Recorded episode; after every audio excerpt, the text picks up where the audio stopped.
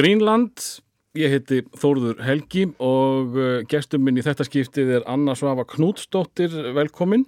Takk fyrir. Hvernig hefur það í dag? Í dag bara, ég er nýbúin að, ég var að vakna samt klukkan tvö, ég legg mig alltaf eftir hátti, þannig að þetta er eiginlega besti tíminn. Þú ert svolítið eh, mikil um þig eh, akkurat þessa stundina. Mm Eitthvað sérstök ástæð fyrir því?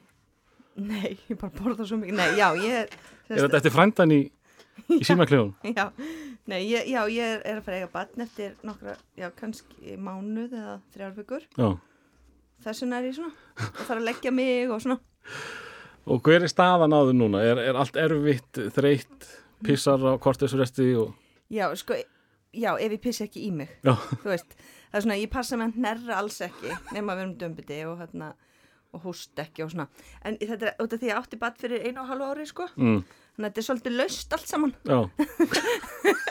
það er ekki alveg búið að ganga saman, en, en þetta er samt ekkert mál núna, þessi meðganga. mm. ekkert með, var, var hitt meira vesinað? Já, þú veist, þá var ég bara ólétt, skilu, ég drakk appi sín ólétt, fór í kringluna ólétt, keði bíl ólétt, þú veist, þetta var merkilegast sem ég lendi í bara, Já.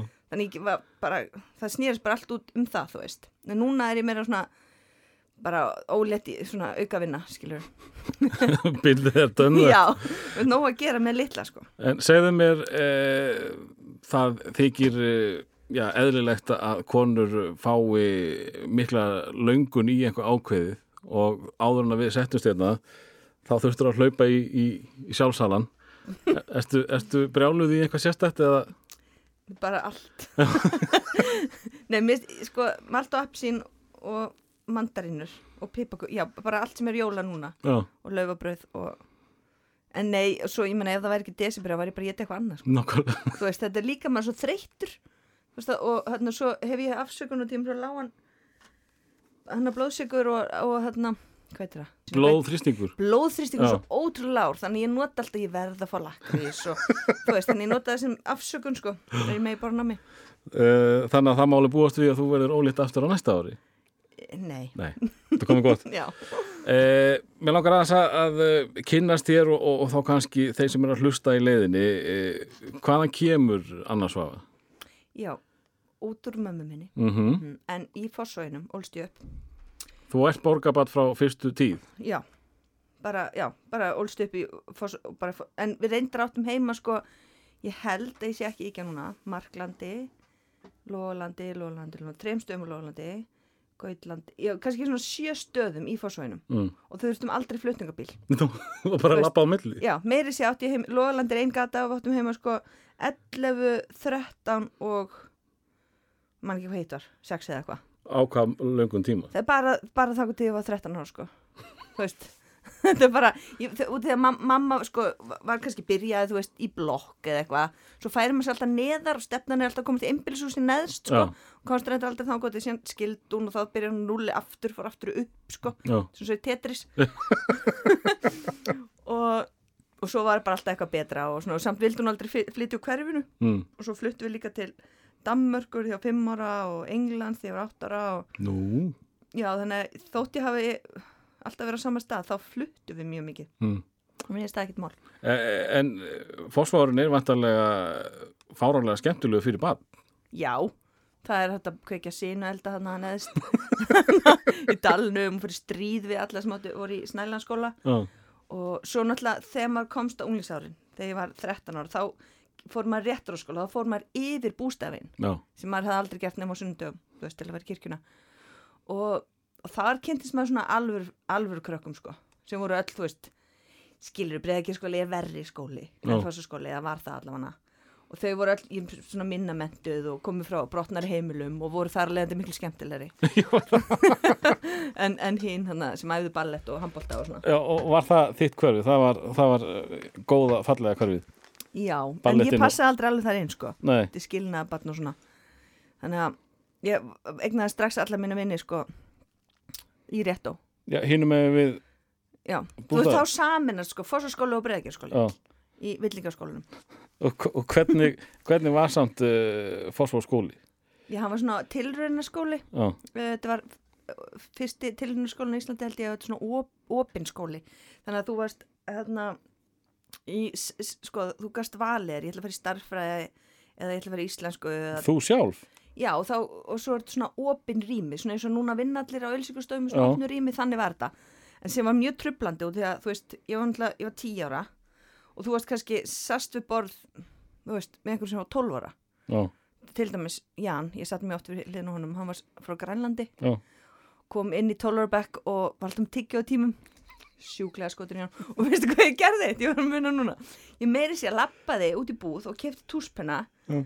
Og skrifaði ógæðslega stórum stöfum á skólan minn, bara Anna elskar Jan.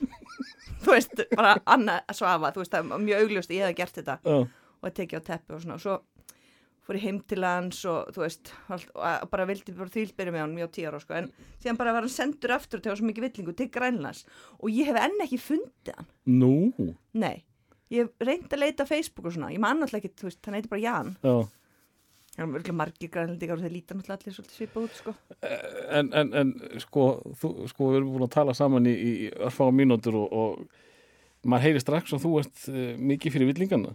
já, Ha, það, það er í rétt og þar eru réttu gaurarnir og, og var þetta kannski eini óþekki gaurin í, í fósfarskóla sem að þú náður að já, örgulega ég meina, þú veist, hann, skilur, ég man þegar kennar hann var bara, Jan, spýtt út úr tyggjónu og hann bara, Nei, Mér finnst það geðvikt Ég bara í alvegni ég, Já, já, kannski bara kannski ef ég var svo góð, ég veit ekki Já. En uh, hvernig námsmaður var Anna Svafa? Já, bara svona Þú veist, ég, ég var bara svona milli, skilur Já, Ég fekk svona sjur það var frekar gott. Já, já, Ég var mjög sáttu við það. já, já En ég var svona, þú veist, ég náði aldrei landafræðinni og þess að ég samröndu fekk tvær fimmur, sko Mm. Eh, Nei, fimm í starffræði fyrir ekki og sjö í íslensku og svo nýju í tungumálum Nú, það er nokkuð gott. Já, já, en þú veist, ég var samt svona, sko, svo í vinkonu, Eva, sem er, hún, hún var nýjan, sko, Já, og við reyndum einu sinni bara prófa, við vorum hjá sikkurum ennsku kennarunum í áttundabæk og gerðum sömur ritgerð, ljósrituðum hann og bara, þú veist, í vinnunni og mömmu eða eitthvað, tveim eintökum og hún fekk nýju fyrir hann og ég fekk sjö. já, ok. Veist, þannig að það, var, það er svolítið líka búið að stimpla mann, sko. Þá verði ég að spyrja, varstu þá uh, hérna vesen? Varstu, varstu með læti í skóla? Mm, Varstu eitthvað að heimsækja skólastjóra og svoleiðis? Nei, ég var svona bara, já, það var, ég var, ég veit ekki hvað ég að segja. Þannig, já, ég myndi segja að ég hafi svona aðeins yfir strikið, Mm. en ég var meira svona ótrúlega virk í öllu, skilur, ég var formaður unglingaráðs og félagsráðs og, þú veist, Já, varstu öll í því? já, ég var öll í því og svo opnaði félagsmyndstöðum kl. 5 til 7 og opnaði svo aftur halv 8 til 11 þannig ég fór heim í þennan hálftíma skilur, og svo man ég eins og mamma sagði við mig eitthvað, nú, nú verður tekið á sig að þú verður heim eitt kvöld í viku og ég bara, það var, hún bara horfði á hana og ég bara, af, ég skildi ekki okkur ég lenti á vestu mömmu heimi bara eitt kvöld, og ég man ég satt Heilt kvöld? Já, heilt kvöld, skilur, heilt kvöld og þetta virkaði kannski tvær vikur ég satt svona þeim í sófanum svona og bara með því líka fílu og þetta var bara umlegt og ég var aldrei heima, skilur ég var bara, já, ég var bara fór í skólan, félagsmyndstöðuna og svo fór ég heim klunum 11. Var það ástín á félagsstörfum eða, eða var það, hérna félagskapurinn eða hvað? Félagskapurinn, Já. já. Já, bara þurft, þú veist, mátt ekki missa á neinu ég er ennþá svolítið þannig í dag. Ég pissa alltaf með opna klósitur, skilur því að hann gæti einhvers verið að segja eitthvað sem ég er að missa á, sko, ég held sé bara það, forvinnin og Ég kannast pílutu við það. Já, Já. Ég vil helst bara líf, allt stoppi frammi. Bara ég þarf bara klóstið stopp, allir bara frjósi. Bara kínu áskurinn. Uh, en hérna, varstu eitthvað farin að uh, láta fólk klæja í kringu þess nema? Nei, Varstu ekki trúgjalla? nei, Ekki einu svona heima eða hvað er þið mörg sískinni? uh, sko ég var bara einn albróður sem er Já. sex árum eldri en ég Já. og svo var einn, sko kom lítið en svo er bara hálsískin og svona þú veist, var- ég var hann 12 ára þegar kom barn á heimilið Mm. ég held ekki, ég held ég að bara voru mikið verið að tala þú veist, og ég þurfti rosa mikla aðtegli, þú veist, mamma sagði bara að ég hef verið rosa góð en ef ég gerði eitt strik segja hvað ég búin að tekna, segja annar strik segja hvað ég búin, þú veist, ég gæti aldrei skilur, hún gæti ekki skamma mig Nei. þú veist, en ég var svona alveg óþúlandi þú veist, þannig að bara, segja, ég er búin að fyrir þennan sokk og ég fyrir hinn núna, já, og, þú veist Þú var svolítið að sækja þér hrósið. já, Já. þannig að, já, kannski er það bara það já, ég er bara þurft ég þarf mjög mikla aðtegli og minnst ótrúlega gaman þegar fólk er að horfa á mig og hlæja mér, þú Mm. veist, það er alveg bara það er best sko, en ég, man, ég var ekki svoleiðis, uh, kannski annan hátt og ég var ekkert eitthvað að segja eitthvað skemmtilegt ég hef kannski bara, Ekkert með vinkonunum eða nettulegs? Nei. Varst þú ekkert finna gælan í hópnum? Nei. ekki, þú, þú voru að spyrja það en ég, nei, ég er alveg sem að það er um að segja nei Já, ok. Nei, og ég var ekki, eins og því ég fór í mennskóla þá langaði mig ótrúlega mikið að skrá mig í leikfélagið en ég þorði því ekki og þú veist, var aldrei í neinu svona. En uh, verandi þessi félagsvera, varstu feimin uh, út á við? Nei, nei, nei, En þú þorðir ekki að skráði í eitthvað svona leiklista? nei. Nei. Ég, jú, ég var mjög feimin með líkamnun á mér. Já, já. Þú veist, ég var alltaf, mér varst það eitthvað að vera svona issue og, og, og líka sko allir sem voru töff og flottir og svona. Þú varst hrætt við þau? Já, Já. þannig að, já, ég var bara alltaf eitthvað, fyndi, svona síðum peysum, eitthvað, fela mig, eitthvað svona. Já, En hvað hérna var uh, annars hafa barna að að dönda sig við? Fyrir utan að hérna, kveiki sínu og eitthvað gott. Já, já, barn, barn. Ég er bara bútið, ertu meina bara því að ég var pingu lítil? Já, bara, þú veist svona, hvað er það fyrsta sem mannst eftir? Mm, að ég, fyrsta sem mann eftir er mamma á með saumaklúb og hún var brjálu út í að ég var svona þryggjára örgla og átti að vera svona svo og ég hjekk í tröppinu og var að hlusta. Mm. Já, svo var maður bara, þú veist, ég bara leika sér, bara, þú veist, en þessi stelpa var með maður þessi stelpa, maður var bara alltaf dinglandi einhverstaðar og Já. Eitthvað. Ég er líka pínlinda að leta eftir, veist, mm. leikir og þess áttar, var það Já. fallin spýta eða, Það, já, því, veist, ég, ég persónlega er svo hrifin á þessu hverfi, ég, ég sé fyrir mér að það hefði bara verið best í heimi, sko. já, ok, þú veist, það var, raðhúsin eru svona og svo koma alltaf bílskúrar og Mm. þeim eru svona þök Já. og þar var bara, þú veist, tejó, Og hann á bílskólanum. já, þú veist, þa- já, það var bara svona flatt, Já.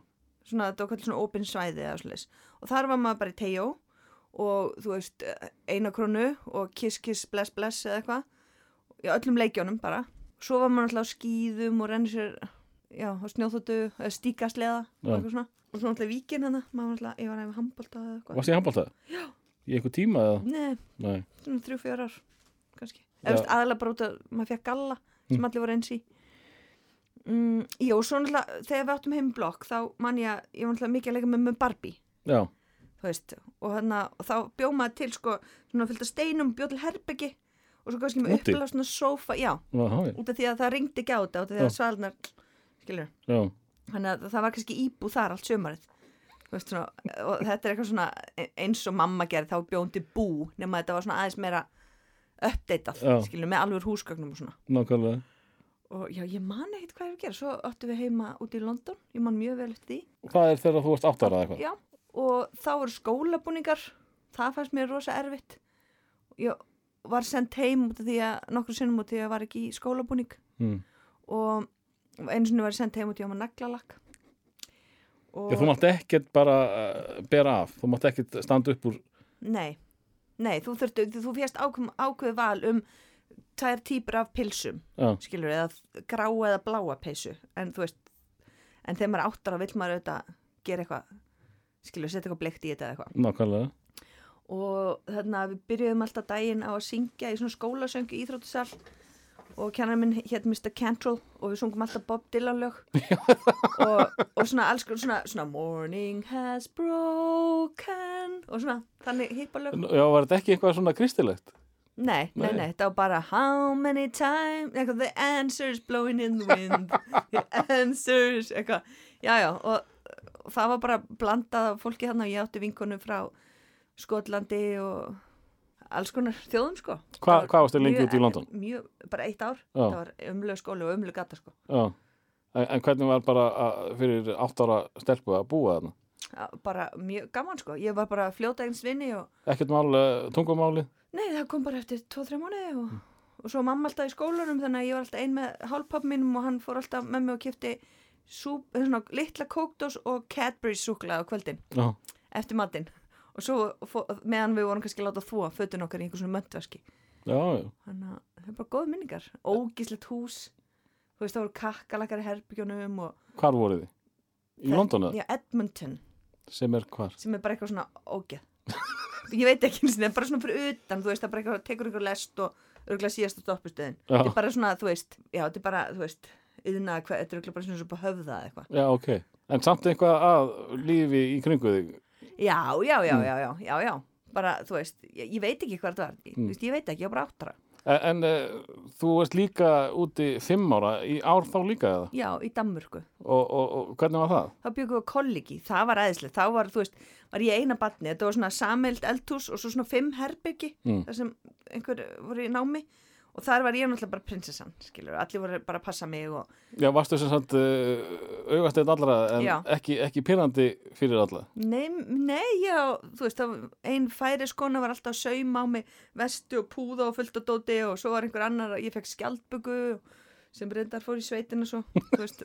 Nei, ég minni bara, þú veist, að það hafa allir verið bara húslega ánægð með mig, sko. Ég held ég að prófa skemmtilega krakki. Já, uh, og þá spyr ég aftur þar, um, sko, þetta er, mér finnst ekki skemmtilegt tungumál, hvernig er fyrir fimm ára að barna að koma sér inn í dönskuna? Já, það var bara ekkert mál heldur. Ég hef bara alltaf verið góðið tungumálum. Örglúta því Mm. að ég er góðið tungumálum. Og þannig að, en svo kynntist mamma Görnum sem var að vinna kollegi barnum Já, og er ennþá með honum. Þannig að þegar hann, hún flutti hann með sér heim já, já. og þá hjælt hann alltaf áfram að tala dönsku. Skilur þannig að ég hjælt þessu alveg við. Já, þannig að þú ert búin að vera að tala dönsku bara náðast alla þeirra tíð. Já, svo náttúrulega hætti hann eftir nokkur ára að tala dönsku og byrja að tala íslensku en þú veist, við förum, fór, förum ofta heimsökjum mömmu hans og pappa til Danmörkur og Mm. svo flutti ég til Danmörkur hjá Títu og svona. Þannig að já, það, hún hefur bara alltaf verið mjög auðvelt fyrir mig. Og, og, og hérna, þú kemur heimur aftur frá, frá Lundunaborg, ferða það aftur í fórsvegin? Já, já, Já. aftur bara í saman bekk með öllum. Mm. Já, já, það var ekkert mál, sko, ég, þú veist, svona þegar ég líti baka þá var mjög mikið svona chaos í lífið minu sem bann, skilur Mm. en það var samt aldrei, mér finnst það, og mér, mér finnst það svona ætla ég alveg bönnu mín, skilur, þú veist, ég var bara tekin með partí og þú veist, maður bara látin svo í einhverju hjónaherbyggi og svo bara vakin til að bera mann út í leigubíl, það var ekkert, skilur, þannig var þetta bara. Já, og en síðan núna á ég bad sem er reynda náttúrulega bara og lítið skilur en það er alveg ef hann fyrir ekki svo átta á klukkan á kortur yfir þá er ég bara komin í svona þú veist tremma og þú veist eða gleymist að busta tennundan hans þú veist þá get sopna ég ekki um nóttina. Nei. skilur meðan það var ekki til þú veist skilur jú ég á stundu til morgumatur skilur oft þurfti maður bara að hlaupa til sjoppu.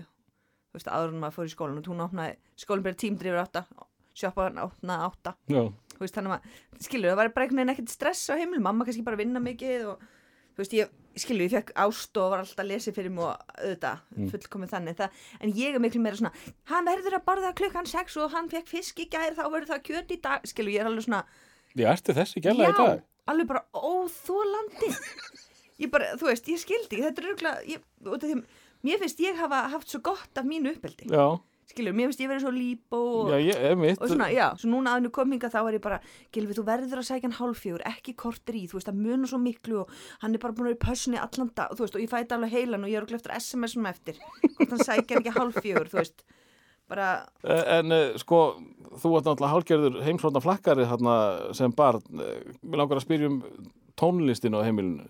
Mhm. uh, nú áttu þarna bróði sem er aðeins eldri, hann hefur vantarlega eitthvað eh, stjórnað þínum smekka eða hvað? já, sko, það var, það var ekki fyrir en ég var svona, þú veist, unglingu sem ég byrja að hlusta á sama og hann, Mm. þú veist, en það var einmitt, skilur, U2 og Smiths og, þú veist, Morrissey, já, bara allt svona þunglind, eitthvað. Þannig og svo var hann í hljómsveit, sko. Nú, þú veist, já, Tussull og Quicksand Jesus og já, svona, já, já, þú veist, þannig að það var, að- já, maður, ég hlustaði náttúrulega bara á allt sem hann hlustaði, en fyrir það þá var ég bara meira í, þú veist Bubba, varst þú í bubba? neða, mamma var náttúrulega alltaf að hlusta á Bubba og. Megas og svona línudans eða eitthvað, hvað bláa platan hana Já, einmitt.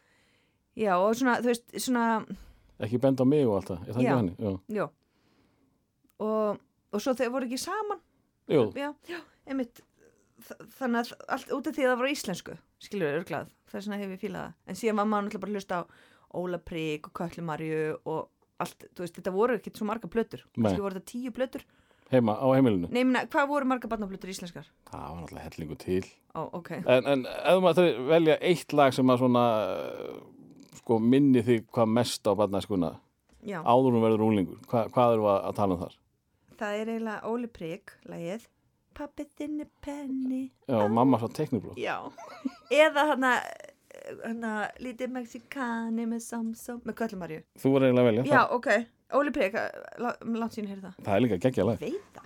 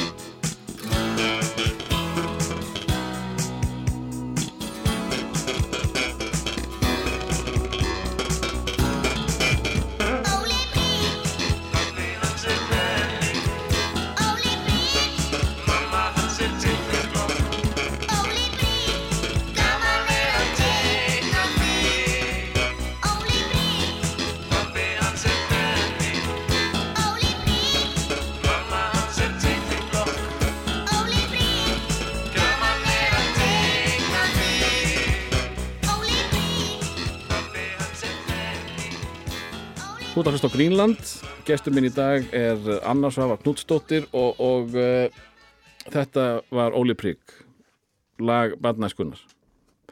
En uh, við ætlum að færa okkur yfir hinum yfir göduna. Nú ætlum við að, sagt, að kveðja að litla barnið önnursvöfu og nú er það úlingurinn sem að hittir eh, já, óþekka fólkið í réttó. Já. Þar, þar, þar er ferð að tengja. Já, þar er alvöru vinnufötajakkar, þú veist, stáltár, skór, þröngasvarta gallabúsur, skipti miðju.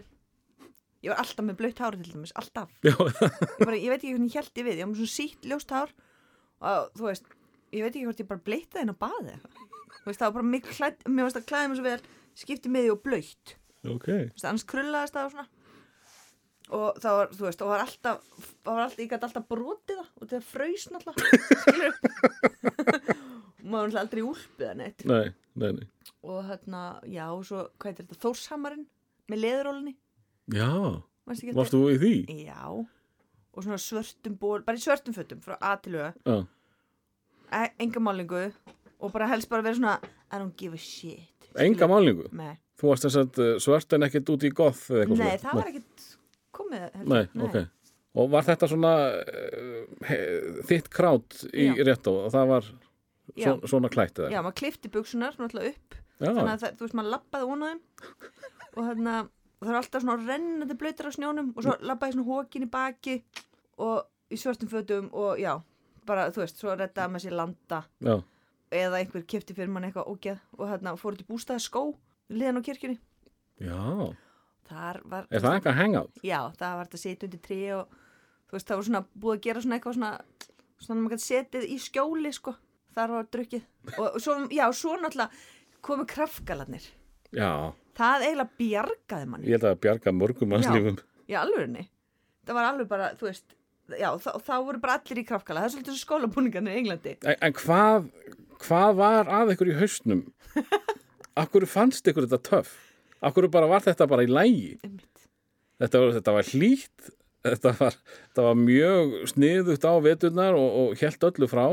en maður alltaf að vera úti að drekka Mm. skilur, þú hefur engast félagsmyndslega loka allu og þú hefur engast allir fara nema kannski einu svona ári þegar einhver fór til útlanda skilur og þú, einu sem þú gerir það var bara að lappa lappa ringin, þú veist, upp í Grímsbæ og aftur upp í, þú veist og þetta hjálta mann hita og svo náttúrulega var einn og einn sem átti skellinur eða snjóslega Mm. Og ég er náttúrulega að byrja með einu þannig. Og hann kom og sótti mig á snjóslega skilur í krafkala, já, það var samt einu ári yngri ég, kannski læti ekkit fylgja með. Það var ekki að kúl Já, mér veist að það var satt uh, inn í borginni að hann komi og sækja það á snjósliða. já, bara plosh, Mér er alveg svo gaman í gaman, þetta er bara mjög töff. já. Eh, hver- er rúndurinn fyrir uh, fósforsfólk eða unglinga? Þú talar um að fara hann í Grímsbæ, já, og svo kúluna, sjoppuna. Já, sem er hérna aðeins fyrir neðan rétt á. Maður fór bara grímsbæ kúlan svona hlað ef einhver drakk landa og fekk raukt í auga og svona þurftum að vera með upp á borgarspilla skil þá var það aðeins lengra. En svo, já, svo bara bústaði skóur og svo bara aftur upp í grímsbæ tjekka Já. hvort einhver krakkar hafa komið þangað kannski úr kvassó mm. og ég ekkert að gera star ok, þá frétti maður, ei það er einhver upp í hverfi. Upp í bústa, bústaði skói þá fór maður þangað, það var bara lapp sko. Já, það var raun og verið mjög heilsusamlegt fyrir ung, ung, unglinga fyrir utan landan kannski. já, Eh, En uh, skinjar fjölskyldan uh, einhverja breytingu á þér sko með nýjum vinnum og, og öðru þessi félagskap? sko ég var náttúrulega aldrei heima Nei, Þannig að það, e- sko, eina sem ég man eftir að það, það var nokkru svona fundir heima. Þess að ég kom heim og þá sátt mamma og, Jakob, fórstupappi minn, við Mm. eldsporðu og þurfum nú að tala við þig. Og það var aðalóta því að ég kom sent heim, skilur ég átti kannski að koma heim eitt en koma heim tvö eða eitthvað mm, eða bara ég var aldrei heima það var það sem það gekk út á já. en, en ég held sko, ég var ekkit óþæg eða, veist, ég var ekkit að lendi í einhverju Þú veist ekki einu ruglið eða einhverju vesinni. nei, þú veist, svo var bara mikið að gera ég, minna, stóðum alveg vel í skóla, ég var líka að læra og ég, ég gerði þetta bara allt þess vegna var bara ekki tími til að vera með Nákvæmlega, þú nákvæmlega. veist, Hvenær vaknar þá þessi, þessi fyndna annars hafa? bara Mun setna eða? hjá, bara, þú veist eftir, eftir leiklisskólan, sko. Nú, já, já, fórstu til að læra bara að vera dramakella eða? já, veist, já. Mér langaði bara að leika í leikhúsum og eitthvað. Eða þú veist, það voru bara allir að fara í indugupróf líka einhvern veginn og ég var sko í háskólanum Mm, að þannig að læra bókmyndafræði og þar endur vöktu við stúdendaleikursi sem hefði leiðið dvala mjög lengi. Já, og, og þá voru allir að fara í sagt indugupróf. Og ég fór með en og gráðbað þá var hann til kærasta minn að fara með mér og hann komst inn og ekki ég. Mm, og mjög svekkjandi. Hætti með honum. Nei, nei. og svo, já, svo komst ég einn árið setna það, ég, þú veist mamma er kvikmynd að gera kona og bróður mig líka og, og ég, Þannig að þetta var eitthvað í bló- já, blóðinu. kannski ég var látin leika í einhvern stuttmyndum þegar hún var í skóla og svona. Já, mamma sagði ótrúlega oft um mig, mann hún sagði það þú verður alveg, ó þú verður pottitt leikona eitthvað svona, en það var aldrei hjá mér eitthvað, Hva, hvað varst að pæla þegar þú varst unglingur og, og, og, hvert fórstu í, í framhaldsskóla? ég byrjaði í Vestló í eitt ár, Ætlaði að fara í bísnes?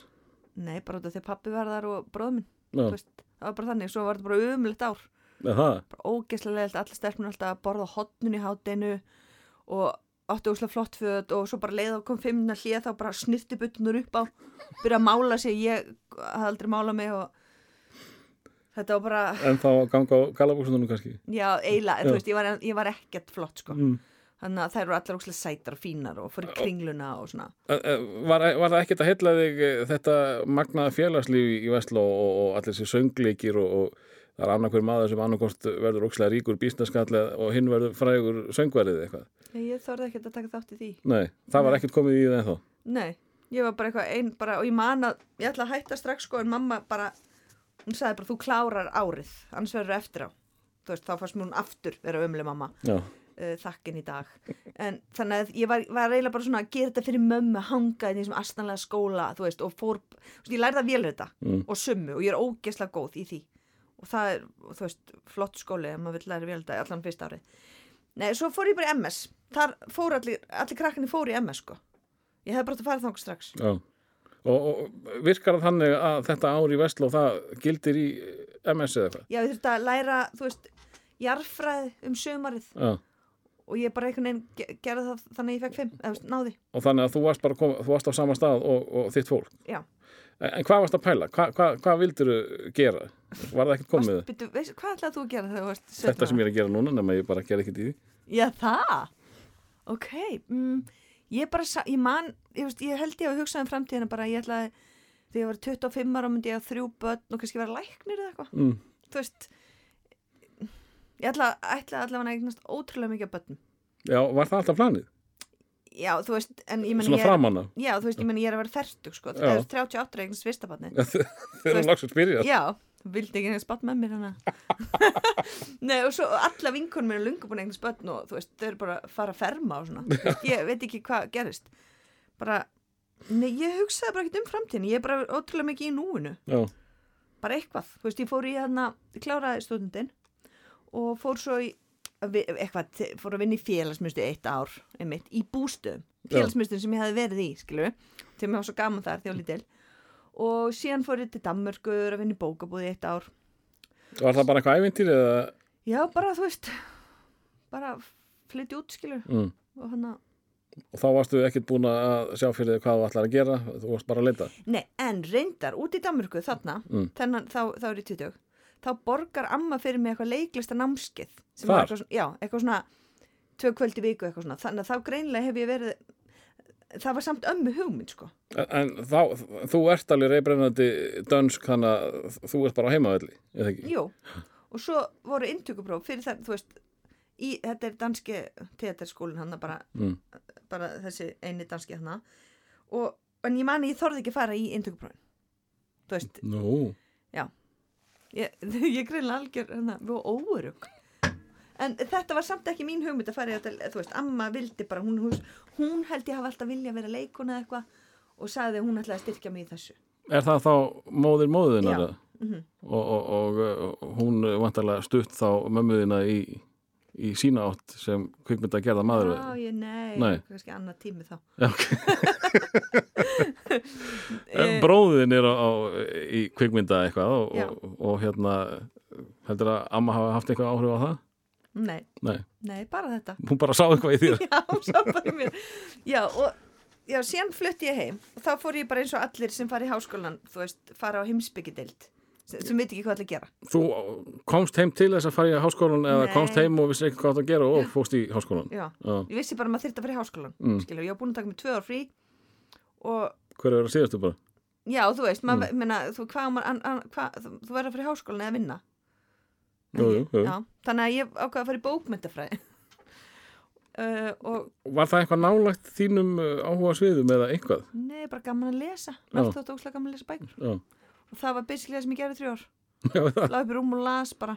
Ég varst í þrjú ár í bókmyndafræði? Já, Já, Já, ég kláraði allt nema rítgerna kláraði þessar nýtt tjöningar og mér sem skrifaði rítgerna, ég skilaði hann ekki.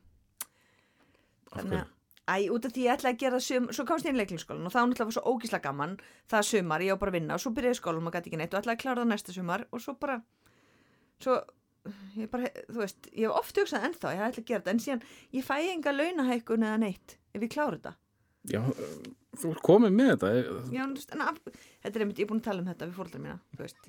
En það, það skiptir mig einhver máli þú veist, Nei. ég veit alveg, ég hef alveg, get, ég hef alveg fengið bara átta og fínt bara, Já, en það er bara töff að þá getur þú sagt að þú sést bókmyndafræðingur eða ekki? Jú. En svo var Hæ. ég líka hæ, Annars að hér, er- ég er bókmyndafræðingur ég er það eiginlega. Já, og svo var ég að hugsa um þegar ég skrifaði lokarætgerina í leiklistaskólanum að skila bara inn henni ég skrifaði um eitthvað futurisma eða eitthvað svona sem ég hefði getað skrifað um í bókmyndafræði já en svo var ég svolítið stressuð um þetta komast upp hmm. en ég hefði kannski hægt að gera bara en, en sko, að því ég hef náttúrulega var búin að sjá það fyrir mér uh, sko, þegar maður hefur fylgst með þér að þú hefur örgulega verið eh, einhvers konar trúður bara frá fyrsta degi. Hvert var þitt hlutverk í genginu? Úst, ég man að ég var svona gufan, vissi ekki neitt og eitthvað svona. Vist að þú varst ekki fyndnagelan, hvað? já, í úlingagenginu Já, já, ég held ég að svolítið bundið alla saman. Já það, þú veist, ég var svona, heyrðu, ok, við ætlum að hittast þarna, við ætlum að gera þetta og ég hringdi alla, þú svona stjórnaðir. já, Já, já, og, og ha- hafði það ekkert áhrif á, á það sem þú vildi gera í, í framtíðina að svona að vera með undirmenn svo ég horfði það fenn já, em, nei, ég bara hugsaði aldrei um framtíðin og ég gera það ekki ennþá. Nei, ok, Þú veist, ég bara, þú veist, það er aldrei neitt plan. Það er bara einhvern veginn að klára, dag, klára daginn á þess að fokka hann alveg upp, þú veist. það er gott Ég plan hef aldrei verið eitthvað svona með metnað í að eitthvað. Bara, Gerist þetta bara hjá já, Já, þú veist, ég, aldrei, þú veist, ég hef aldrei hugsað eitthvað svona, nú ætlum ég að gera þetta eða aldrei sett mér markmið, jú, ég hef oft sett mér markmið um að grennast, hvað Mm. um góður. En það hefur aldrei, þú veist, ég er ekki góð í svona markmiðum. Svo bara gerist eitthvað, skilju. Þú talar um það, sko, þegar þú ert unglingur að planið hafi verið að vera búin að eignast þrjú börn 25 ára eitthvað sliðis Mm. Það var bara svona, ef einhver spurði mig, Já, þú varst, þetta var ekkert alveg pæling þú varst Nei. ekkert eh, svona tvítug fokk, það verður eitthvað að fara að gerast í þessu ég var að ná mér í kall til að gera eitthvað nei, Nei. Þannig að þú varst 25 ára þá varst ekkert farin að panika, herri, þetta er ekki að ganga upp Nei, nei, Nei. þá var, bara, þá var ég bara hugsa um það, það sem ég var að gera þá vikuna. Þú veist, örgulega eitthvað skemmtilegt ball á föstudeginum eða, þú veist, einhver tombólu sem ég var að halda, skilur áður en við förum í, í hérna listaáskonan Mhm. uh, klárum hérna unglingin önnusöfu með, með uh, Ég gerði náttúrulega einleik um unglingsára mín, sko. nú það, Dagbók Önnu Knúts, hérna. mér ráman eitthvað í það Ég skrifaði svo mikið af dagbókum og, Já, í álurinni? Já. Já, sem þú gast á bara kíkt í og, og gert eitthvað úr já, Já. þetta var basic, þannig byrjaði ég að gera stand-up óvart. mm. Og því ég las bara upp á dagbókinu, Gunnar Björn var leikstýri mér og ætlum að gera leikrið svo sann, þetta er bara ógislega fyndi, lestu bara svona, vertu bara, ég ætla ekki að leikstýra mér, það stattu bara þarna og lest þetta. Og þá Er þetta mikið bara beint upp á bóka eða varst að, að Já, og svo kryddaði þetta eins og fekk einhver aðra sögur og svona. En ég læt náttúrulega ekki upp hvað er satt og hvað ekki. Og þá, þá byrja, sagði einhver hei, við erum bara góði stand-upi. Eða þú veist, flott stand-up hjá þér eða eitthvað. Mm. þá er hó? Þannig byrjaði það til dæmis. Þá ertu búin að útskrifa já, og, og þetta átt að, var þetta þitt fyrsta já. Eð, ég var held ég búin að vera eitt ára Akureyri ég man ekki hvort það var undan eða eftir Akureyri Já, Já. En uh, förum aftur í unglingin já, já, uh, Hvað vorum við að dansa við sem Já. unglingar? ég ætla að segja þér ég ætla að glemdi staðsta unglinga ástunum minni, Bob Dylan Já, bara sko, sem, Bara- bara... sem að vaknaði vantarlega þegar þú varst áttara í, í Lundun já, eða þú veist, já bara Bob Dylan var í alvörni ég veit, þetta er bara, þú veist, ég, ég, held það, ef ég myndi einhvern tímann hann kannski kem til Íslands, skoða einhverja jökla eða eitthvað og hann myndi labba át á götu og, og sjá mig og það, hann þyrfti bara að horfa mig þá myndi hann vita ah, þannig er hún. Þú veist, og ég bara, ég vissi bara ég myndi, þetta er eitthvað plan sem ég hafði ég þyrfti bara einhvern tímann að sjá hann Já. og þá myndi hann horfa mig og við myndum giftast og ég bara trúði því ég bara, og ég vissi, ég var ekkert stressuð. Ég vissi Nei. bara að kæmi þessi tími, ég meina kannski kemur hann. Hann komið einhvern tíðan já, ég sá hann ekki þá. Nei. En þann þyrfti bara að horfa mig þá hann vita þetta er stelpa sem skilur mig. Skilur. e, e, þá varst ekki bara að tala um að þið hafi, þið hafi fundist hann skemmtilegu tónlistamæður, hann var bara þinn kall, hann var bara þinn gaur. þú veist, ég áttalegu skilur, ég manna besta vinkonum gaf mér bók, Lyrics of Bob Dylan skilur, og teikningar eftir hann. Já, og þú veist, ég var bara, þú veist, þið fannst að gegja. ég bara alla, ég kann alla texta basically eftir hann, ég veit ekki hvort ég kunna ennþá í dag, en eiginlega alla og, þetta, og það, ég laði metna í þetta ég bara fór í gegnum textan og bara aftur ít á play, pásu, bakkaði, pásu, bakkaði Þú ætlaði bara að læra þetta. ég bara allt, já þetta, ég satt inn í herbyggju og ég gerði þetta það er svolítið magnað. Eh, og meðan að vinkonuðina var að hlusta á take that kannski. já, ég veit ekki hvað það var að hlusta já, eitthvað bara, E, þú, þú já. Pixies örgla, Já. það var að hlusta Pixies Já. En eh, var ekkert í tíðanandanum sem var að heilla. Þú varst bara Dylan girl og látið mig vera. jú, svo hlusta maður eitthvað svona Race Against the Machine og Mm. þú veist, Doors náttúrulega myndin kom út þegar ég var hérna úlingur þú veist, þannig að, Þannig að allir unglingstelpur eru ástfagnar að þú- Alkilmer sem Morrison. Já, en mér fannst Bob Dylan Miklu flottari. Já, og ég man, hans, hans eitt lag heitir Sera, þar sem hann syngur um konuna sína fyrir hann og hún er lapp á ströndinni Mm. og eitthvað svona, og þetta var lag um mig í framtíðinni og veist, og þetta bara, þú veist, og mér og, já, ég sagði engum þetta en þetta var, ég vissi þetta bara En, en eh, sko, það hefði þá verið, hann hefur náð til þín með tónlist og, og, og textum. Það var ekki útlitið eða, eða restgaur. Nei, ég hafði náttúrulega, það var ekkert YouTube eða, þú veist, Nei, ég aldrei síðan neitt ekkert að ráðinu. Nei, nei, nei, Nei. bara ég bara örglega í sjónvarpinu einhver ein heimildamindi eitthvað, ég veit ekki. Mm. Nei, en það var bara, ég bara hlusta á diskana bara og las textan og bara söng með og þetta var bara, þú veist, mér fannst ég var alltaf að útskýra, þú veist, fyrir vinkunum mín að, að hann eins og með Leon Cohen gerði maður líka það, þú veist, ég var alltaf að segja svona hann er ekki að meina þetta. Þetta er svona metafóra, yfir, þú veist, hann er raun og verið að segja þetta og mér svona, kannski þessna sem fyrir bóknifræði Já, þú veist, mér, mér fannst, sko, hann er ekkert að segja, þú veist eitthvað, við vildi haustum það er hjartað hann, fattar þið skilur það, þú veist, ég, já, ég var svona að greina satt yfir textanum sko. Mér er svolítið magna að, hann skýtir náðir sem unglingstelpu sko. og þú varst á vantarlega að, að hérna sökva í eh, eldgamla stöffið hans já, bara allt Já, bara já, allt, já. og allt bara frábært.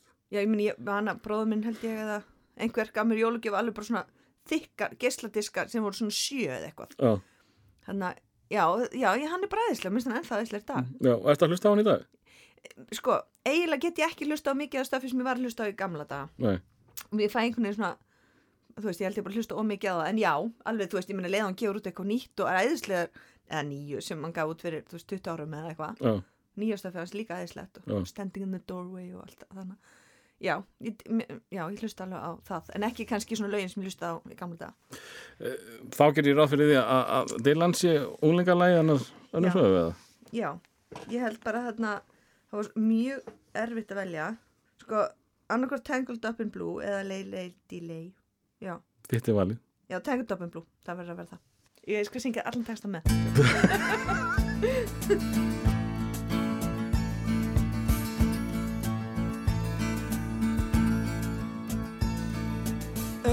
morning, the sun was shining.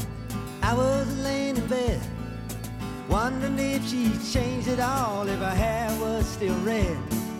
Her folks, they said our lives together sure was gonna be rough.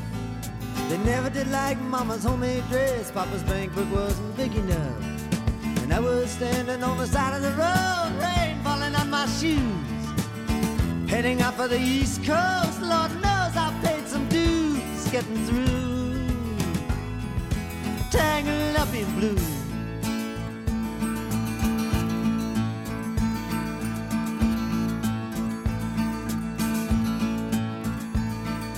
She was married when we first met, soon to be divorced. I helped her out of a jam, I guess, but I used a little too much force. We drove that car as far as we could, abandoned it out west, split up docks at night, both agreeing it was best. And she turned around to look at me as I was walking away. I heard her say over my shoulder,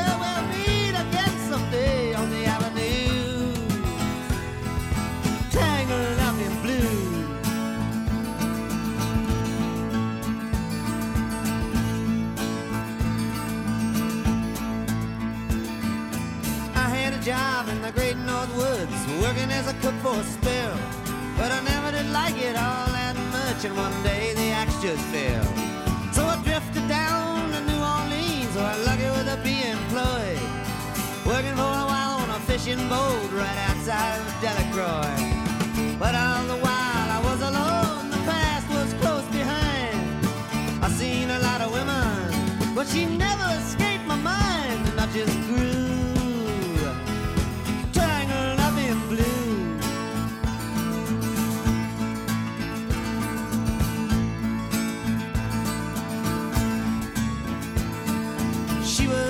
in a topless place, and I stopped in for a beer. I just kept looking at the side of her face in the spotlight so clear. Later on, when the crowd thinned out, I was just about to do the same. She was standing there in back of my chair. I said, Timmy, don't I know your name? I muttered something underneath my breath. She studied the lines on my face. I must admit, felt a little uneasy when she bent down to tie the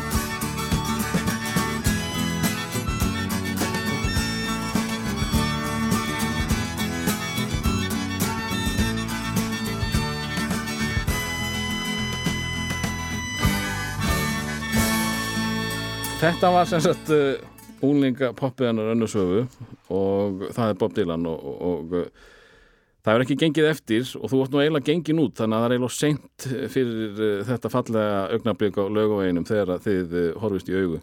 sko, þú veist, Gilvi myndi alveg skilja það. Já, það, Já, hann gæfið alveg eftir. Já, og þú veist, þetta er þið bara nokkur ár. Hann er svo gammal, Bob Dylan skilur þú myndir bara segja, ok, taktu bara þessi fjögur ár og sjáum svo aftur. En, en uh, þú ert sem sagt uh, búin að fara í háskóla uh, og að einhverjum völdum ferð þú í listaháskólan Já, einmitt, út af því að við erum að leika í einhver einum kúrs, setjum upp hérna Tartuf eftir Móljar og þar er einmitt Ólafur Eil að leikstýra og hann er þá nefandi í leiklistaskólan. Hmm. Já, svo fara allir í pröfur og ég komst ekki inn, svo fór ég næsta ár og, það, og þá komst ég inn. Þú varst bara komin á sporið ein neitun var ekki nóg til þess að loka á þetta fyrir því Nei, ég man ekki eins og hvort ég hef farið áður. Það rennur allt saman, nei, nei, þú veist það, maður ma bara, ég var alltaf í stúdendleikusinu, ég var basically í bókmyndfræði til þess að vera í stúdendleikusinu. Það hefur bara náð þér þannig að þú- þú loksins þorður að fara í, Já, í þetta og þá það var, og það, sko, Hvað var þetta? Hva, hvað félagskapurinn, ekki það að stíga á svið? jú, mér ást það rosa gaman líka, en það var, veist, það var, þetta var bara, þar voru allir krakkarnir, skilur, óklæð skemmtilegu krakkarnir og við vorum alltaf að gera eitthvað og skipla eitthvað og við þurftum aldrei að heima, en þú veist, ég greinlega bara sækist í það að vera í einhverju félagsstarfi. Sko, nú, þú ert vantilega að flutta heimann þarna eða hvað? Já, já, Uh, leið á vestugutunni. og ertu þá einstæðið ertu að halda þig frá nýjum kærasta? Nei, ég er með einum hanna sem, sem kom svo í leikliskólanan, Já, ok, já. en, en þú, ert, þú ert samt aldrei heima Já, hann var með mér í stúdleikusinu. Já, já, Já, já, já. ok, þannig að þetta gekk alveg 100% Kynntumst þar, já, já, já, já, já, já, já. Og svo næ- næstu guð sem ég byrjaði með var, hann var bara með mér í bekk í leikliskólan. já, ok Já, já, var ekkert að fara neitt eitthvað að leita okkur með öðrum.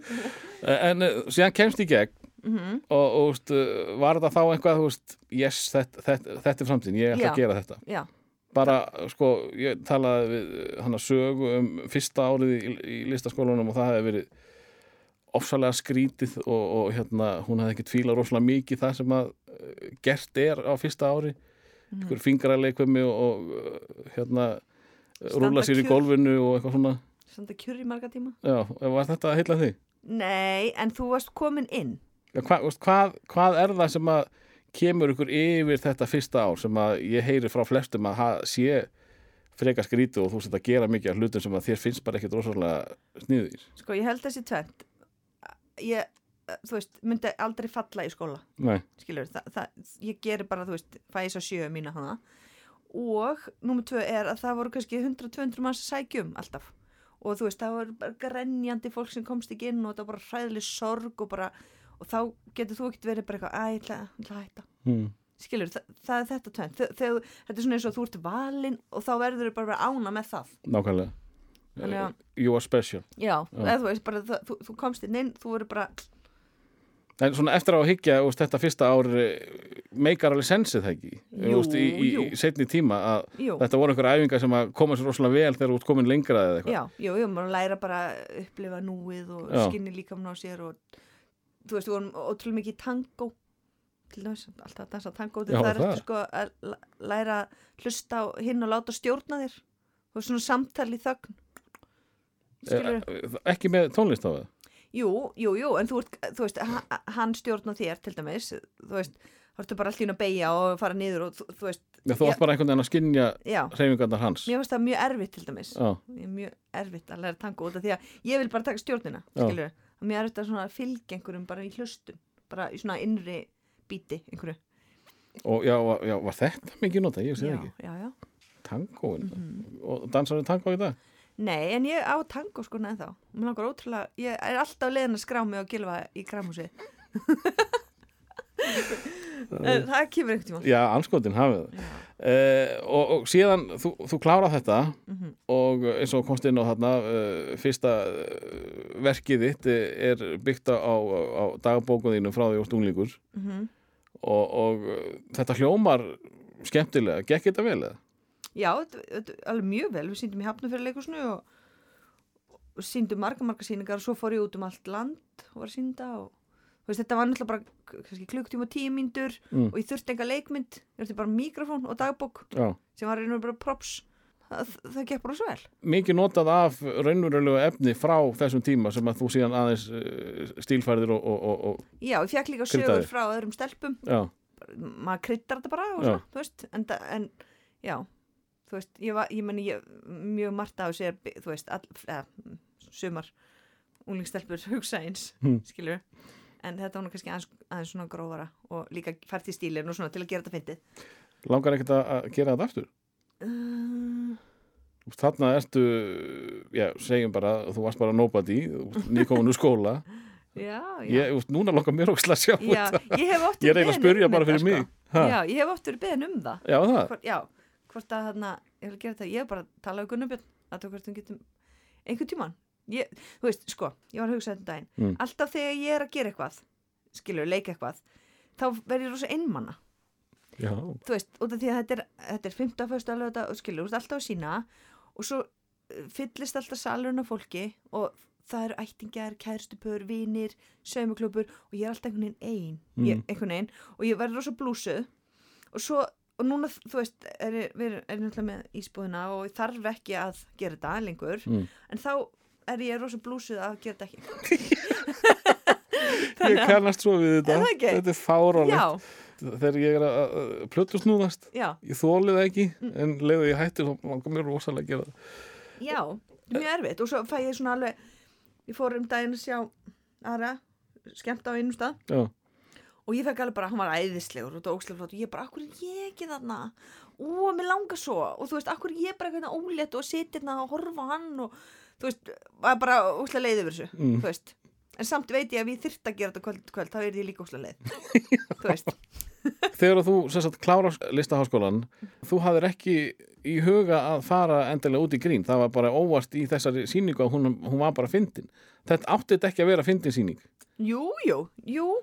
Bæði og ein, þetta átti að vera einleikur um Já. úlingsárin sem átti að vera fyndið, jú. Mm. veist, ég, en þetta átti ekki að vera stand-up eða, þú ert ekki ennþá búin að segja mér hvenar uh, þú átti að ráði að þú getur fengið fólk til að hlæja ég, duglega. ég, nei veist, mér, mér, ég, var, var það ekki þarna? Þú veist, jú, kannski þannig, já. Já, þarna ertu búin að ákveða fyrirfram Nei, að gera í, í skólanum, byttu, það Já. var einhver útskriftaverkefni, hvað var ég að gera þá, byttu, það var blóðbrökup, nei, guðmungar, ég var ekki finn þar.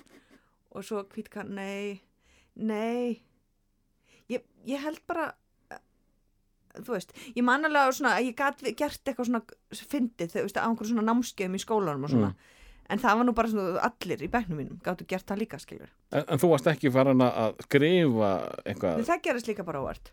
já, Þa, það, það var allir mjög heils á því að ég bara, þú veist, ég, bara, þú að skrifa, skilur, aldrei gert það og svona. Það var einmitt út af því að Gunnabjörn, sem hefði leikstýrt mér í dagbók Önnu Knúts, já. hann átt að leikstýra skaupinu. Og fekk hann þig í það? Já, af hverju? og það, hann þurfti að velja 500 sönda örglega og það vant að eina stelpu, skilur, klassist, nei, kannski þótt hann bara, ég er skemmtileg. Já, en þá varstu náttúrulega búin að gera þessa dagbóka þegar ekki? Jú, þannig að hann vissi af því. Og, og hann stoppaði bara vegna þess að honum fannst þetta það fyndið að, að hann var eiginlega óþarfur. Þannig að grein, greinilega varstu hérna með einhver, einhver, einhver að töfra í, í pennanum já, en alls ekki óþarfur, en síðan bað hann mig um að skrifa skaup með sér. varstu búin að gera eitthvað annað þá? Nei. bara, bara dagbókina eða eitthvað? Já. Já, og kann, ég, ma- veistu hvað, ég man ekki hvort ég var búin að vera eitt ár fastraðan á, á undan í Akureyri eða hvort ég fór þangað, já, einmitt bara man það ekki hvort, hvort ég fór fyrst já og síðan var það bara þannig, þá var ég að vinna með þú veist, einhverjum, þú veist Baldunni setu, Sævar Sigurgesla eitthvað, Ara Eldjarn og einhverjum og Ari, þá kynntist ég Ara, þá var hann alveg hei, viltu gera stand-up, þú ert óslega góðið prófaði það og hjálpaði mér eitthvað. Og svo, þú veist, var Baldunni seta eitthvað skrifa eitthvað, eitthvað hægósa serju mm. hei, vilt þú skrifa þetta með mér eitthvað? Og svo og þá bara var ég að vinna með einhverjum öðrum sem ringdi í mig, þú veist, þá, þá bara ringdi fólk í mig, skilur, og og he, allir byrjaði að skrifa fullt. Hefur þú skrifað eitthvað annað en grín? Nei, og, og Nei, þú vissir ekki eins og nú væri fyndin þegar þú varst í nei, byrja hef ég ekki skrifað neitt annað en grín? Hulla þættinir og nei, ég hef aldrei skrifað neitt svona drama, vá, hvað það er glatað.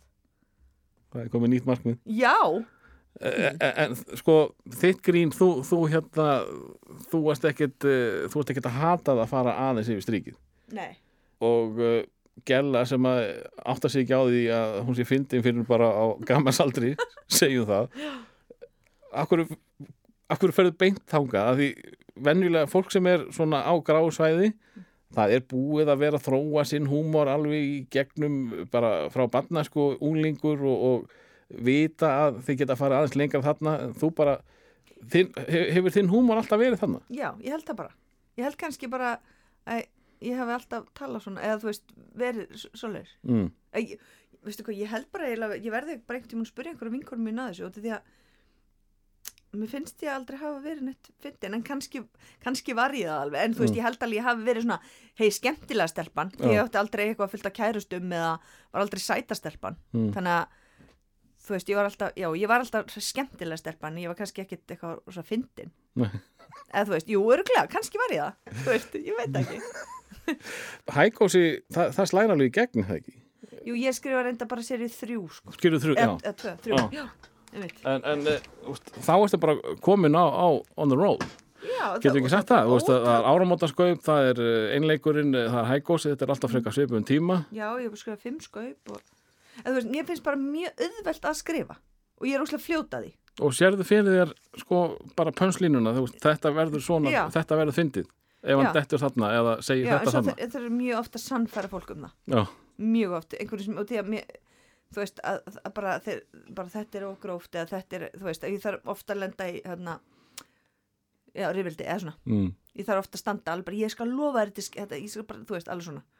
og, og að því sko skaupið er svona þjóðaregn einhver og þá má kannski ekki alltaf fara langt nei. yfir strikið Nei, enda voru það oft teknir og bara gerði bara svona Va- var- 50%. var mikið að dóti frá þér sem að fekk ekki að Já, Já. já, já, já, það hefur alltaf verið sko en þú veist, það, ég er bara satt ef það kemur einn og einn og því að mín rökur er alltaf þannig ef að ég, mér finnst það fyndið þá finnst einhverjum öðrum það fyndið Já. og þegar ég er að skrifa í hóp og mér finnst mjög oft einhver sem er að skrifa með mér ég er bara, á, guðum góður, þetta er ekki fyndið en ég hugsa alltaf bara, ef að honum finnst það fyndið þá er einhverjum öðrum sem finnst það fyndið Mm. og það, þú verður bara að hafa allt í þú getur ekki bara haft veist, annars, annars ertu bara koma með eitthvað svona stíl sem er bara veist, þess vegna vil ég eiginlega aldrei skrifa ein Já. þú veist, ég, hérna, út af því að þú getur ekki þá ertu bara með, bara með eitthvað svona ofgróft, ofklúrt ef ég á bara ráða skilur, þú veist, þú verður líka að hafa einhvern sem skrifað sem er kannski góður í plotti og Já. einhver annar sem er góður í, þú veist einhver öðru Hva, sko, hvar ertu best? Eh, Að skrifa hreinan brandara eða, eða ég bara, skr, sko, ég, ég myndi segja ég var svona bara ekki, ég var svona lala að móta söguna skilur þú veist, hvað gerist og svona þá gerum við það bara tölum saman. En ég langt best að skrifa bara samtölun og, og se, bara senunar Mm. þú veist, þá bara kveikja á tölunni og svo bara, ok, þau sitja þarna og er það og svo bara kemur það. Þú veist, ég veit ekki, veist ég, ég er ekki mikið að hósa sjálfur mér en þegar kemur að þessu þá er ég ógísla fljót og, það, og þetta er ekkert mál fyrir mig. Eh, en sko fimmanna skaups teimi Mhm. e, og, og eh, ég held að við sem að tala um sama skaup og, og Ari talaði við mig um daginn. Já, það var fyrsta skaupið. Já, Mhm. uh, þar fóruð þið bara út í hotni það ekki og, og mættuð á fund með ykkar sketsa uh, Jú, nótt voru 2 og 2 Já, það? Já, svona, þú veist, það voru alltaf 5 mm. þannig að stundum voru þrýr eða einn. En maður sagði kannski, hei, þú veist Arinn, en þú núna vera með mér? Svo fór maður bara henni upp í mötuniti eða fram á gang og Já, ok. svo bara sjást eftir tvo tíma. Og, og, og- og hvernig hvernig er úst, er það bara þeir, fjöldin sem er ræður eða? Sko, það var bara efni á töflunni. Mm. þú veist bara hérna, það er að taka MS uh, hænu, brúnegg bab, Já. bab, bab, og maður segja, já, ég ætla að taka þetta, þetta. Og sömur kannski söður ætla að taka það sama. Og svo hitustu aftur eftir tvo tíma og svo lásum við upp. Og það var bara, þú veist, það sem er fyndnara og það, það, það, hópurinn þú veist, er bara, kannski ég er nýbúin að hlæja einhverju sem ég gerði, bara haha, þetta var gett. Og svo lesum við sem Sævar gerði og, og við erum öll sammála um það er fyndnara bara. Mm. þá fer hinn bara út. Og svo verður bara svona eftir, bara svona síja er það, úst, ég myndi taka þessu svo mikla höfnun. Nei, nei, þetta er bara allavega, þú veist, sérstaklega því þetta er svo snemma í ferlinu þínu bara á, á hérna í þessum uh, nú dýna orðinu, á ferlinu. Já, já, já. Nei, nei, þú veist það, og sko, þetta er svona al, ég held að þetta sé nefnilega alveg svo í leiklist þá ert að búa, þú kemur tilbúð þú ert alltaf að koma tilbúð, þú veist, þú ert að búa til karakter ok, tvær mínútur, ég ætla að finna öll þetta, hún, hún drekkur óslega mikið kaffi ég ætla að taka kaffið hérna og svo ætla ég, hún ætlar alltaf, og hún ætlar að stamma mm. þú veist, og svo bara virk, hlæja þau að því að hún alltaf að drekka kaffi þau hlæja ekkert að því, eða hlæja eða ekki, það er ekki endilega hlátur, þú veist að virkar ekki hún stami og þá prófi eitthvað annað Mm. og allt í nú hann hókin í baki og maður er bara alltaf að gefa tilbúð Mm. Þú veist, og þannig er, mér finnst þannig líka með skriftir að mér finnst reglan bara vera að banna þess að nei og þú veist, ef við tvö erum að skrifa saman og ég segi bara, ok, skrifum henni skeið, það eru tvö, headphone að tala saman og ef þú myndir strax segja, nei, það er glata Já, ömuleg hugmynd. Já, það, Þá er ég úr leik. Já, það er, þá ertu bara úr leik, þú veist, þá verður bara, ok, hvað getum við gert með því? Ok, veist, þetta eru, þetta eru sko eh, personur inn í headphoneum og það glemdi þeim einhverju sambandi og þau veit ekki, ba, ba, ba, og svo gerir maður bara eitthvað og sömt römulegt og, Þetta hljómar pínlítið eins og, og uh, já, sko, að skrifa sé bara miklu skemmtilega heldur en að sjá bara áreksturinn. Þetta Já, virkar mér- eins og þetta sé bara svakalegt stuð. já, mér finnst það mjög gaman. Já, Já, bara að skrifa í morgun til dæmis, frá Já. 9 til 12 já, það. og tíminn flög bara og þannig að og það, þú veist, maður er bara inni og svo sér maður bara fólki og ok, ég prófa að segja þetta, þetta og svo kannski lesi ég yfir eftir tóta og það er bara sæll, þú veist, þetta er ekki gott. En það, þú, það er alltaf læg þetta er bara tilhörun En, en uh, sko, eftir þetta þrend, það er dagbókin skaupið hægósi, þá ertu náttúrulega, þá ertu komin á þér, þá, þá vita flest allir hverju ert og þú ert bara komin í Lóa Bergmann og eitthvað. er það ekki mæli hverjan á fræðina? Jó, örglega, örglega Nei, Já, ég, og ég veit ekki svo, hva, hvort ég sé að gleyma ykkur sko. Nei, en, en þá ertu farin að standa upp á fullu eða ekki? Jú, ég, það byrjar þannig að fólk fær mig bara, getur þú komið dagbókan knús bara tíu myndur, veist, það já. er svona bút úr því Já, varstu, varstu mikið að nota dagbókina bara framan af? Já, ég ekkert, kunni ekkert ekki stand-up þannig ég mætti bara og fór kannski bara með eina sögu Mm. ásatíð eitthvað veist, og þá var það náttúrulega stand-up Mm. og, og bara fekk borga fyrir það og slá mikið pening, skilur, með að við verið í leikúsinu og þá bara byrjaði, ok svo kannski reyð með einhver bara, sem bara víjulfell eða eitthvað, þá bara, æ, ég bæti við hérna nokkrum kókbröndurum skilur, Já, já. eða eitthvað svona eða googlaði að hver er fórstjórun, já, heyrðu, hann lappa svona eða tölum að þessu það og þannig að þá byrjaði að svona bætast í og svo kannski, æ, kom óvart einn almennu brandari og þá, svo bara allt í henni var í þú veist, þannig gerist það bara Og þá ertu bara komið með fullt prógram. já, og svo bara, þú veist bj- bjó ég bara alltaf til eitthvað nýtt ef ég var að fara og ég er að fara tölvunafræði nema ásatíð þú veist, þá bara gerði ég einhver tölvunafræði nema ásatíða brandara skilur og svo, já, og það er þetta er rosa vel borga, sko Já, fyrir stuttan tíma. Já, þú Já. veist, það var eiginlega það sem mér finnst þetta alveg ég gæti bara verið að skrifa á daginn Mm.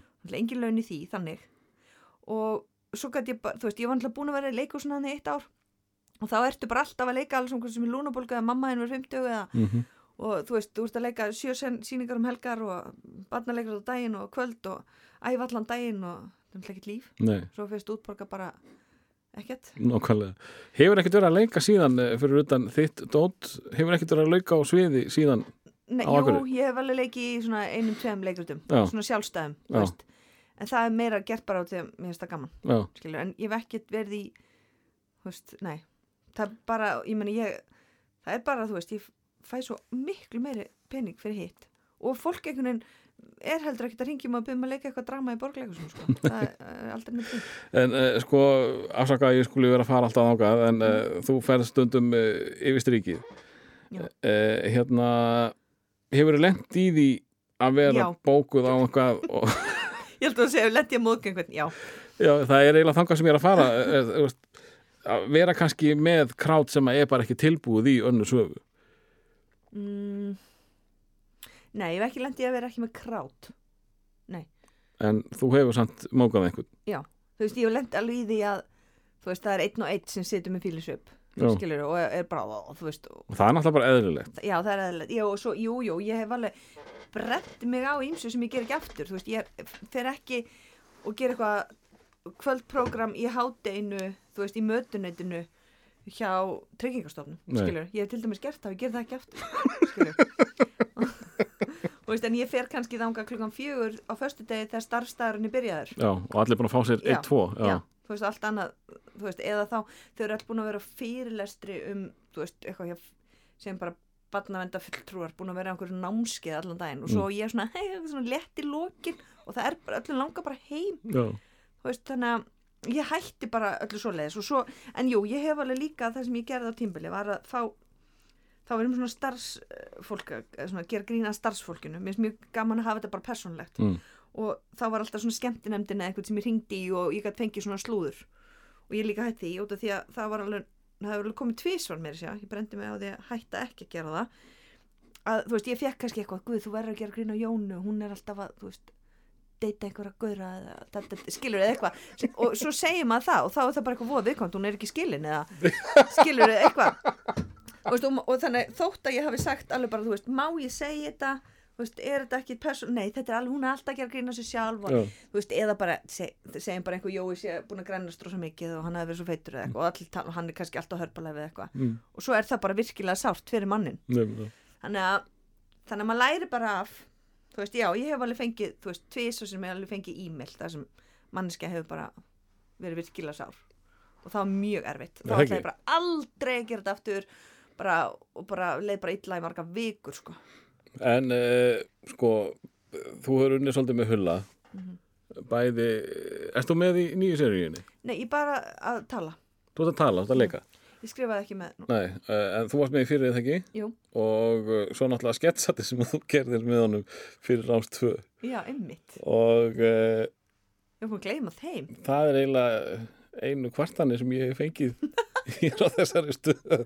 Nei, þar fóru þið stundum aðeins yfir striki sko. já, en uh, áttu ykkur ég heyri bara góða.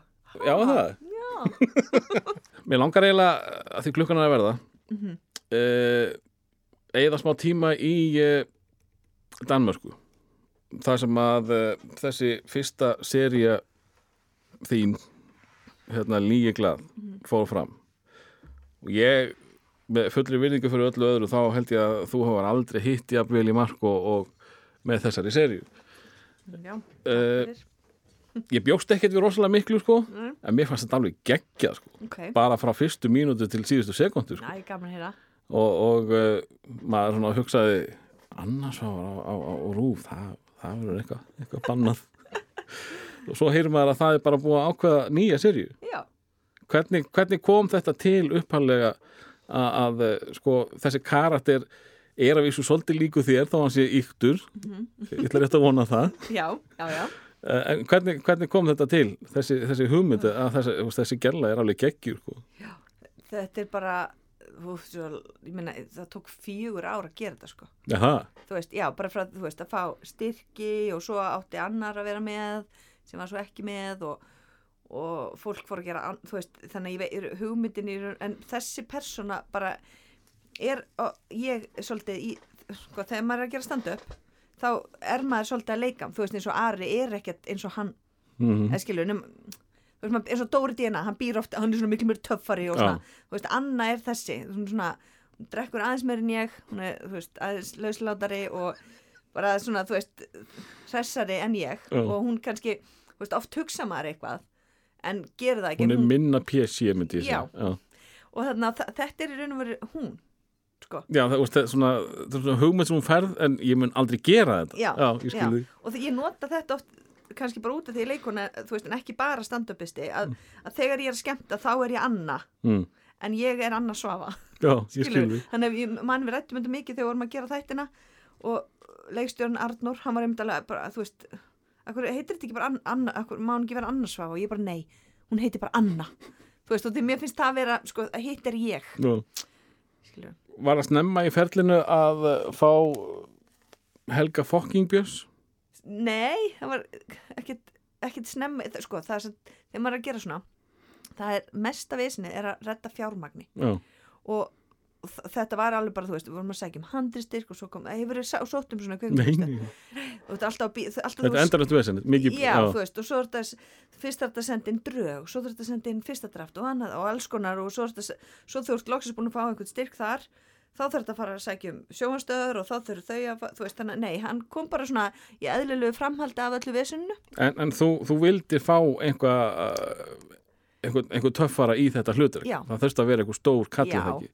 það þurft að vera líka einhver frægur sko, og, og góði leikari. Og, og helst ekki sem væri alltaf að leika, þú veist, ég meina, skilur, Latti er bara meira leikari, Helgi Björs er meira söngvari kannski Já. Já, en er samt ógeðslega góði leikari. Nákvæmlega. Þannig að hann þú veist, og líka, já, bara flott að hafa einhvern sem fólk þekkir, þú veist, ég náttúrulega þú veist, og það var einhver sem kannski vissu hverju var, en það He- Helgi miklu meira sel, Mm. skilur Vissur þú hvað varst með í höndunum þegar þú varst að skrifa þetta? nei, ég bara, það, sko það sem ég hugsaði bara var að þú veist, ég vonaði bara innilega að amma myndi ekki að horfa á þetta og þú veist, þetta væri svona, ég hugsaði, ok, það er kannski eitthvað svona 15% Amma sem að sendi því í leiklustaskólan já, nei, reyndar amma hinn Ok, þannig að, já, það væri kannski einhver svona hópur af fólki sem myndi fíla þetta. Já þetta, veist, þetta hefur svona köld yfirbræð yfir sér. Já, en síðan var bara miklu Já, síðan, það var bara miklu stærra. Já, Já. veist, ég held þetta væri svona ok, þú veist, ég væri að flott hjá rúf að, að höfða til þessa hóps, Mm. þú veist, sem væri svona ég og vini mínir og þú veist, væri svona þú veist, sem myndi fíla þetta, en ég væri ekkert vissum að einhver kona sem ætti fimm börn, eitthvað, eða skil, ég bara, það kom virkilega á hvað margi fíla þetta og þá fór ég virkilega að hugsa minn gang. Bara, er ég bara svona mainstream, skilur Þar ég hafa áhyggjur á seríu 2 Já en, bara, Hvað er hægt að gera þar? En Nei, nei, við erum að vera búin að skrifa fyrsta, fyrsta draft, fyrsta kast Já, af serju 1 og ég er náttúrulega að keppa við tíman að reyna að klára bara, þú veist, batni kemur eftir fjóra vikur þannig að við þurfum eiginlega að vera búin með handriti bara núna fyrir jól. Og uh, hvað gerist svo? Uh, þetta, þetta á að gerast í heitum löndum með það ekki? Jú, allavega, eh, jú ætla, já, Já, þurfum ekki að fara nánar í það. Uh, uh, Er þá tímaplanið að þú þarft að vera tilbúin líkanlega næsta sumar eða hvað? já Já, bara þú veist, sko, Arnar Orri sem lék Baltasar Tristansnæ, svona minn hann var sex mánuða þannig að við stefnum bara á þessi stelpa að verði svona sex mánuða Já, Þú veist, að, að, það er svona eðlilegt að vera með barninu eitthvað svona smá tíma binda einhverjum böndum. En svo líka var ég að hugsa bara hvað frábær hugmynd að þetta gerist í heiturlandi. Þú veist, ég er búin að eiga tvö börn á þreymur árum og þú veist, er ég bara í bikini í öllum senum veist en svo hugsaði ég líka já, þá tækifæri til að koma með mér í form, en þá kom næsta hugsun, ég er miklu fyndnari ef ég feitari. Mm. miklu fyndnari að sjá, þú veist mig í bikini en einhver úslega flotta eins og nínudögg eða eitthvað. Er, er, er það ekki? ég veit það ekki ég, Jú, þú myndir hlæja miklu meira mér vera að hoppa í bikini en nínudögg. Já, þú þurftir að hafa eitthvað fyrir því að þú þurftir að nota uh, hérna, þetta er eiginlega ástæð fyrir því að ég ætla ekki að græna mig eftir þetta bann er þetta ekki bara afsökun á því hún ennið ekki? Jú, ég er að segja það, ég er bara komið með hennar strax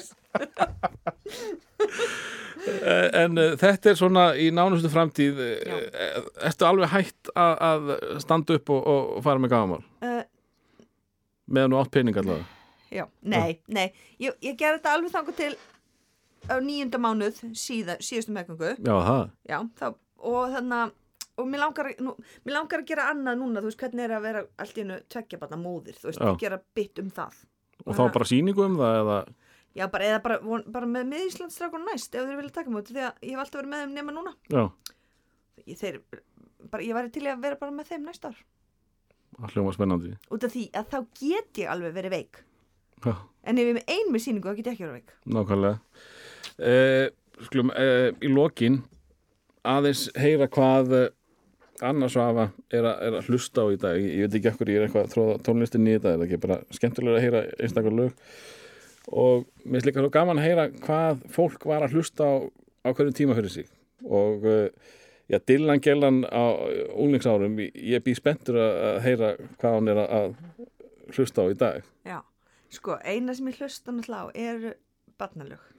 Það er eina sem ég spilað heima. Það kannski rétt á hann við fyrir þangað hérna, hvernig kom þessi ísbúð til?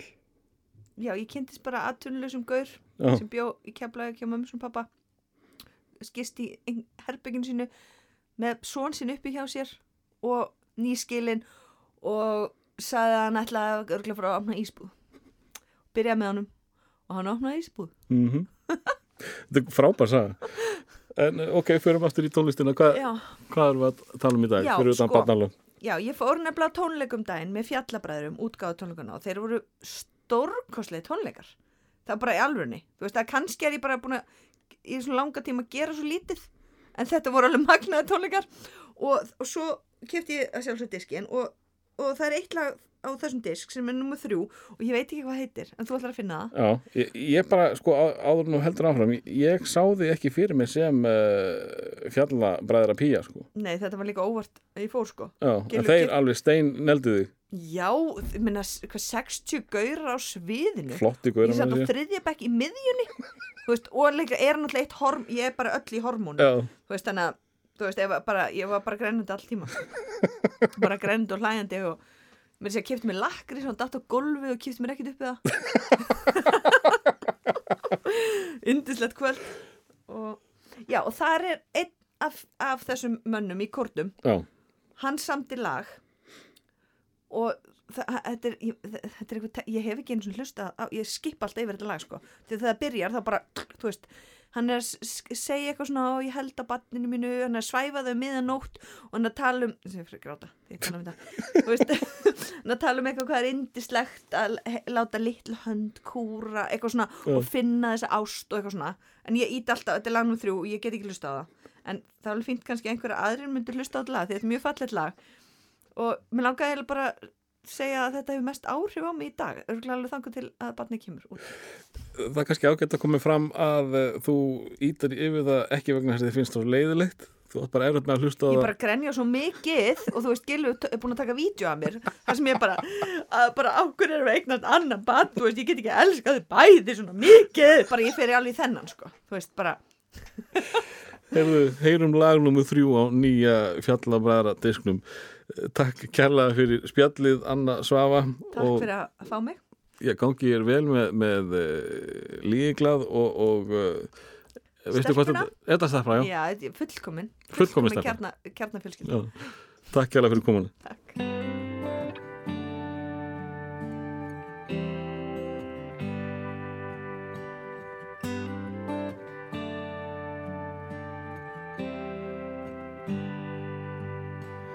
Ég vang af bát um hálsin ber er lítill ungi sopnar til drauma landsins bráttan fer svo sæla aldrei dofnar. Að gleðjast elska